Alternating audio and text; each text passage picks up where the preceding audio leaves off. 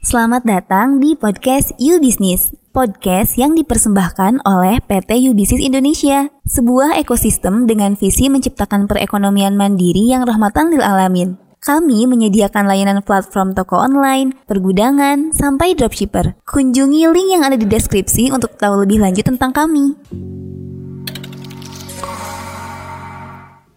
Oke, halo semuanya. Selamat datang kembali di segmen Baca Bareng Yubi. Di mana dalam segmen ini kita akan mereview buku nih, buku yang telah atau sedang dibaca oleh tim Yubi tentunya. Nah, kali ini kita akan ngobrol dengan salah satu salah satu tim Yubi, yaitu Kang Rifki. Halo Kang Rifki, Halo juga Assalamualaikum. Nuri, Waalaikumsalam.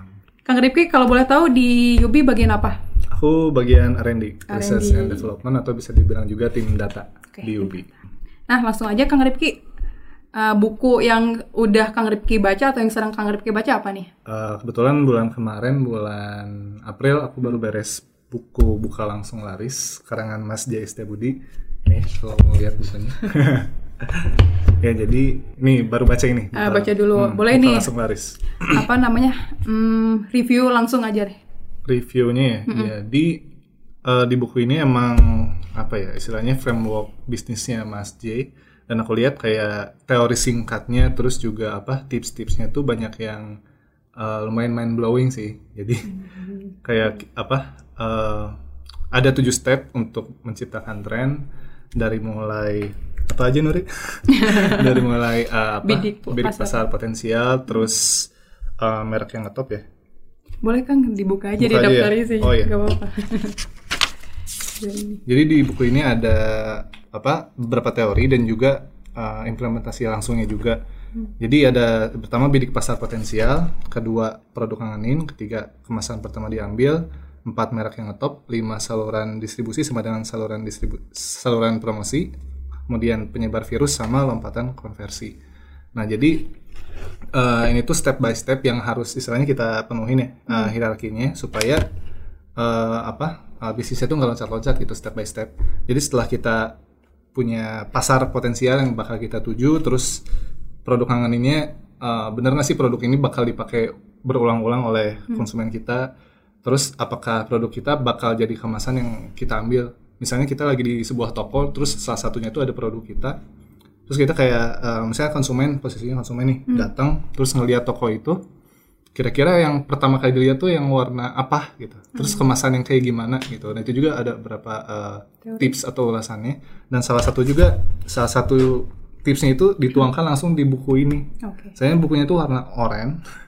Jadi kayak kalau misalnya kita ke Gramedia terus em, apa ngelihat sekilas gitu ya oh ini ada yang ngejreng nih satu gitu buku buka langsung laris. Nah salah satunya tipsnya tuh itu terus merek yang ngetop. Nah jadi kita kayak bikin mereknya yang kayak gimana sih yang mudah diingat kayak gimana terus apa eh, slogannya kayak gimana gitu. Yang mudah diingat konsumen tuh yang kayak gimana sih.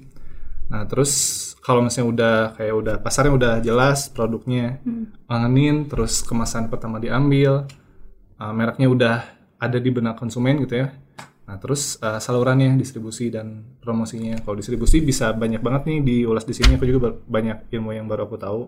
Kayak uh, drop- dropship sama reseller tuh beda loh.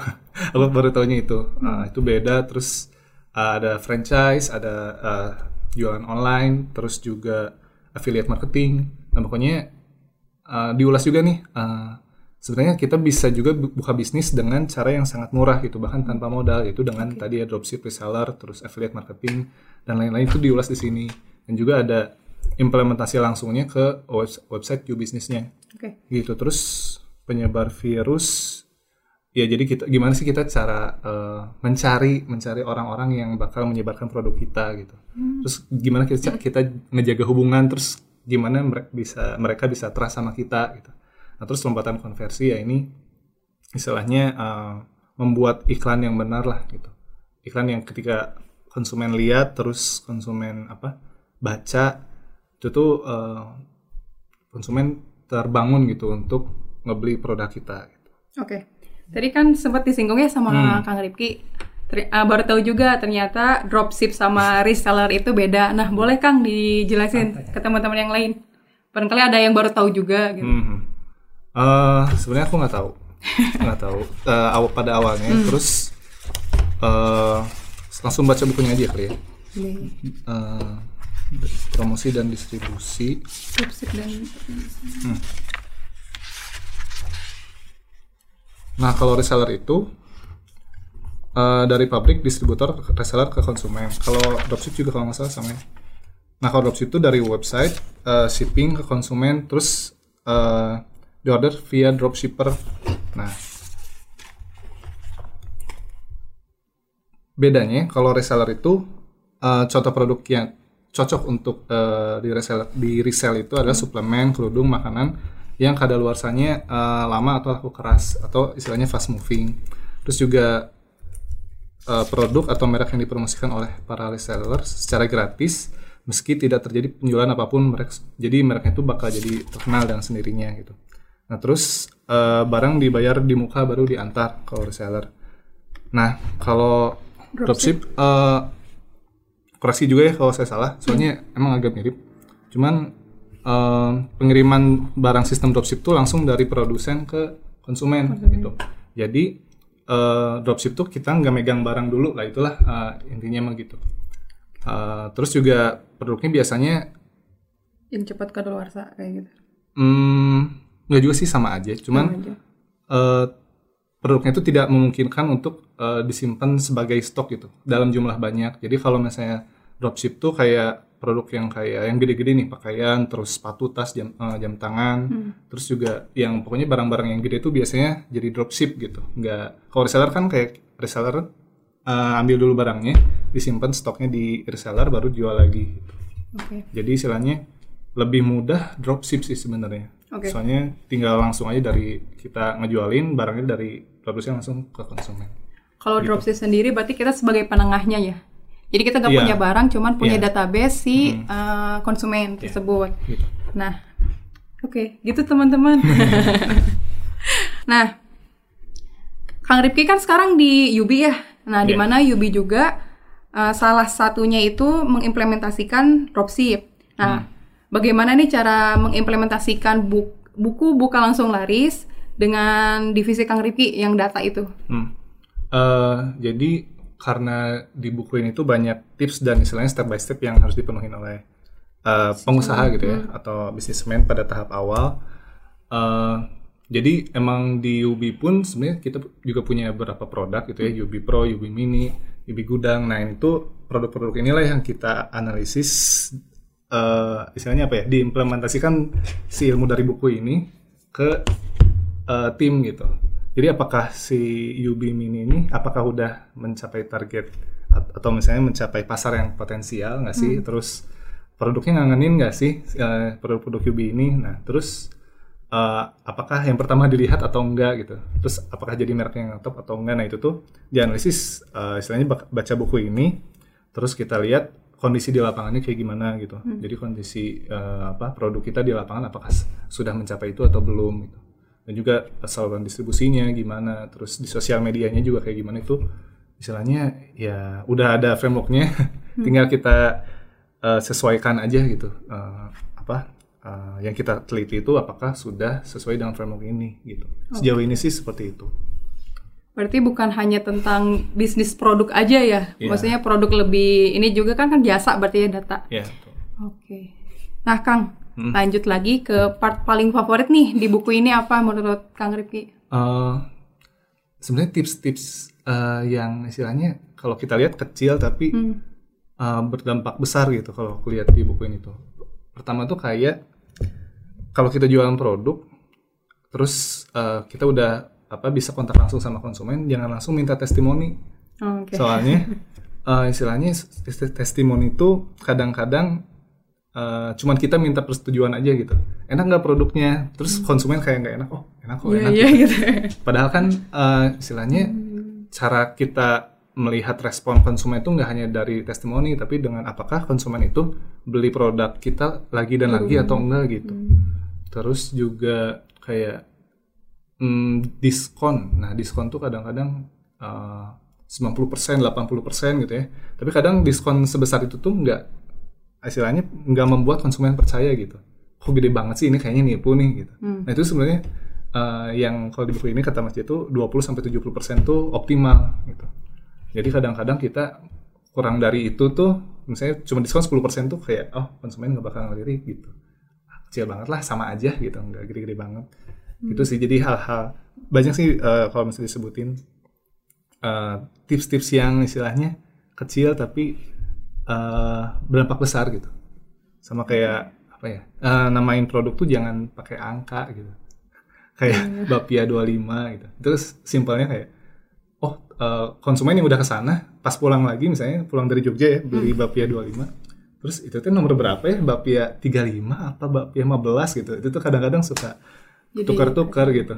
Terus berapa juga produk yang eh, apa ya istilahnya ngasih merek jangan jangan yang istilahnya membuat konsumen bingung lah gitu. Kayak susah-susah si mereknya gitu. Cuman kita juga harus tetap out of, out of the box lah istilahnya. Gitu sih. Jadi banyak banget hal-hal kecil yang sebelumnya tidak ternotis, sekarang ternotis Ah, gitu ya Kang iya, ya. iya. kayak istilahnya udah selama ini kita udah apa melihat kalau orang bisnis tuh kayak gitu gitu. Padahal mah kan kayak istilahnya kesalahan yang diulang berkali-kali itu lama-lama kayak kita terbiasa dan itu kita melihat jadi sebuah kebenaran. Hmm. nah padahal nggak semuanya seperti itu gitu. Ada hal-hal kecil yang istilahnya kalau diubah tuh istilahnya kalau motor terus rantainya kendor terus kita kayak kita kira tuh itu rusak motornya gitu padahal rusak rantainya doang. Nantinya aja. rantainya kencengin. Nah itu kayak hal kecil yang kita ubah cuman oh jadi enak lagi nih motor gitu. Oke. Berarti dari tujuh formula yang ada di buku ini saat apa ya saling berhubungan gitu ya, Mak? ya dan harus istilahnya step by stepnya harus bener lah gitu.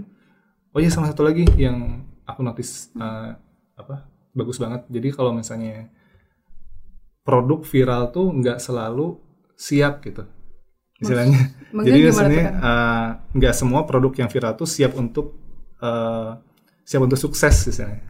Jadi ada beberapa produk yang istilahnya apa uh, produknya belum ngangenin gitu. Terus dia viral pakai karena karena pakai influencer yang uh, followernya tinggi banget gitu. Nah terus ketika di order kok nggak enak gitu. Di order uh, si produknya nggak bagus. Terus juga uh, apa saluran distribusinya belum bagus. Jadi istilahnya uh, stoknya habis terus gitu. Padahal udah viral nih udah terlanjur viral kan itu jadi istilahnya ngerusak brand dan uh, istilahnya kalau udah brand udah ter, apa, terpatri di benak konsumen oh ini mah produknya jarang ada terus kurang enak padahal udah viral gitu. Itu justru jadi hal yang apa uh, memberatkan lah istilahnya memberatkan kita gitu. Itu sih. Jadi apa ya tadi dengar kata viral, produk yang viral, Hmm. ingat es kepal Milo. itu kan langsung ya banyak banget gitu cabang-cabangnya. Tapi nggak bertahan lama karena mungkin nggak ngangenin mungkin ya Kang ya. Mungkin. Atau gimana dari analisis Kang Rifki yang telah baca buku ini? Eh, ya orang Indonesia tuh sering banget dialihkan isu gitu sebenarnya isu.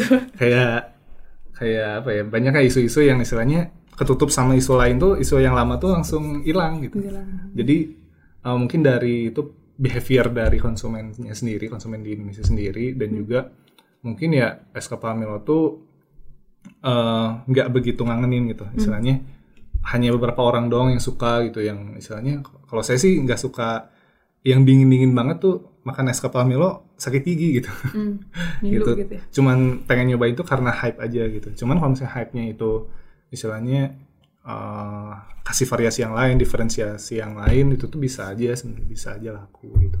Oke. Nah, teman-teman. udah ini ya, apa namanya? Tadi udah di-review juga buku Buka Langsung Laris oleh Kang Rifki sebagai tim Yubi. Nah, mungkin untuk segmen kali ini dicukupkan sekian. Nanti kalau ada syarat, bukan syarat ya, kalau ada requestan, misal mau review buku apa, boleh banget di komen, ditulis di komen. Udah, bye-bye. Assalamualaikum. Waalaikumsalam. Terima kasih sudah mendengarkan. Jangan lupa klik like dan bagikan jika kamu mendapat manfaat dari podcast kami. Nantikan podcast You Business episode berikutnya.